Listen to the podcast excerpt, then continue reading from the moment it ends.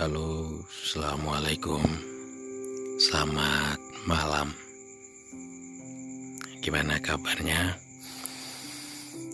Semoga kalian baik-baik saja dan selalu jujur sama diri sendiri. Anak suku kebanggaan di mana pun kalian berada. Jangan lupa jaga kesehatannya. Kali ini Kak Akbar mau berbagi sedikit cerita pengantar tidur atau cerita hikmah yang mungkin bisa berguna buat kalian dan bisa kalian terapkan di kehidupan kalian masing-masing. Cerita ini erat banget kaitannya dengan kehidupan kita sehari-hari.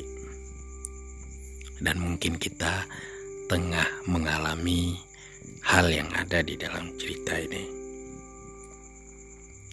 Judul dari cerita ini adalah kebanggaan terselubung atau kebanggaan yang terselubung. Kita semua tahu beberapa orang memiliki kemampuan untuk berpuasa Senin Kamis sepanjang tahun. Tapi yang lain mungkin tidak bisa, namun mereka memiliki kemampuan bangun di tengah malam untuk sholat tahajud setiap malam. Tetapi yang lain lagi tidak dapat bangun meskipun sudah berusaha. Yang lain tidak bisa melakukan kedua hal di atas. Tetapi di mana pun mereka berjalan, mereka bersedekah dengan murah hati kepada para pengemis.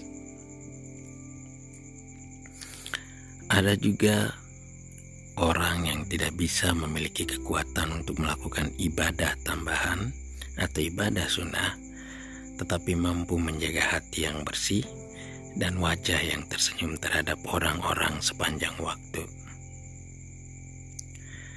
Yang lainnya lagi tidak melakukan apa-apa selain hanya membuat anak-anak tertawa ketika bertemu dengan mereka. Intinya apa? Jangan pernah berpikir bahwa mereka yang tidak melakukan seperti apa yang kita lakukan lebih rendah daripada kita, atau tidak memiliki apa pun yang bisa dipersembahkan bagi orang lain. Kita jangan pernah berpikir bahwa tindakan kita untuk beribadah lebih baik daripada tindakan orang lain. Jangan pernah pula berpikir, jangan biarkan kesalahan kita menumbuhkan kebanggaan terselubung dalam diri kita. Dan jangan pernah juga membiarkan kelebihan kita menumbuhkan kebanggaan semu dalam hati kita. Keturunan kekayaan, kemampuan ilmiah, warna kulit kita, kekuatan di medan perang, kepintaran, universitas, dan lainnya bukan kriteria kesalahan kita. Ada banyak di Afrika, Eropa, Asia, China, dan seluruh dunia yang mungkin lebih dekat dengan Allah daripada kita karena fakta sederhana bahwa mereka dapat menanggung kesulitan dan mengatasi kecobaan lebih baik daripada kita.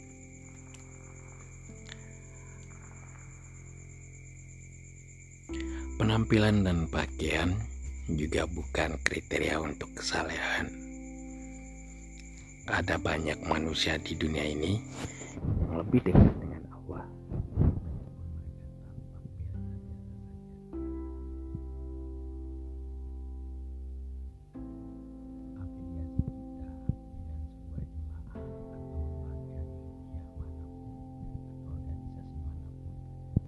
menjadi sarana untuk memusnahkan ego dan kebanggaan kita tanpa memandang rendah orang lain. Ada banyak yang hatinya murni meskipun tidak berafiliasi, meskipun tidak berorganisasi, meskipun tidak berkomunitas dengan salah satu yang ada di atas. Hal ini bukan paspor otomatis ke surga. Ada orang yang masuk surga hanya dengan memuaskan dahaga seekor anjing. Yang lain hanya dengan hanya memaafkan semua orang setiap hari sebelum tidur. Mereka tidak memiliki banyak hal untuk ditampilkan tetapi apa yang mereka lakukan itu penting bagi Allah. Seseorang yang mungkin berjalan melalui gerbang surga dengan modal sangat sedikit dan kehadirannya ketika hidup di muka bumi tidak dianggap penting. Sementara yang lain dengan perbuatan yang jauh lebih besar justru binasa karena kesombongan mereka. Jangan terkejut jika orang itu menuntun kamu berjalan melewati gerbang surga. Oleh karena itu, buat kalian semua, mari kita selalu melihat hal-hal baik pada diri orang lain, karena kita tidak tahu apa yang tersembunyi di belakang keburukan, karena kita tidak tahu apa yang tersembunyi di belakang kebaikan. Kita semua punya sisi gelap, punya sisi terang masing-masing. Ibaratkan sebuah puzzle, jika satu sisi dilebihkan, satu sisi pasti akan dikurangi. Dan itu membuat kita belajar untuk saling melengkapi satu sama lain. Jangan pernah merasa lebih hebat. Jangan pernah merasa lebih soleh. Jangan pernah merasa lebih pintar. Jangan pernah merasa lebih dari segalanya.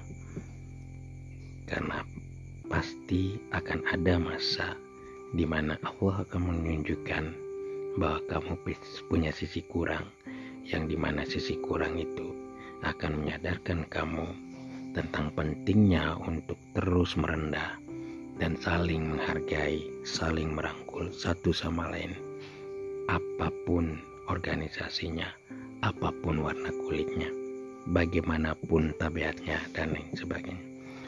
Belajar untuk menerima manusia sebagaimana manusia, sebagaimana yang Islam ajarkan untuk menjadi manusia yang rahmatan lil alamin yang selalu berbuat baik kepada setiap orang, berusaha berbuat baik kepada orang. Mengertilah bahwa manusia adalah tempatnya salah, yang akan salah dan pasti akan berbuat salah. Semoga dengan cerita ini kalian bisa mengambil pelajaran dan hikmah untuk hidup kalian sendiri dan pada akhirnya bisa membuat kamu menjadi orang yang jauh lebih baik, yang jauh lebih bijak, yang jauh lebih segala-galanya. Semoga kalian semua bisa belajar untuk menjadi manusia yang tidak serta-merta mudah menghakimi orang lain berdasarkan dari apa yang kita lihat dengan mata telanjang kita. Demikian, terima kasih. Selamat tidur dan semoga kalian mendapatkan keberkahan ketika kalian bangun tidur besok. Assalamualaikum warahmatullahi wabarakatuh.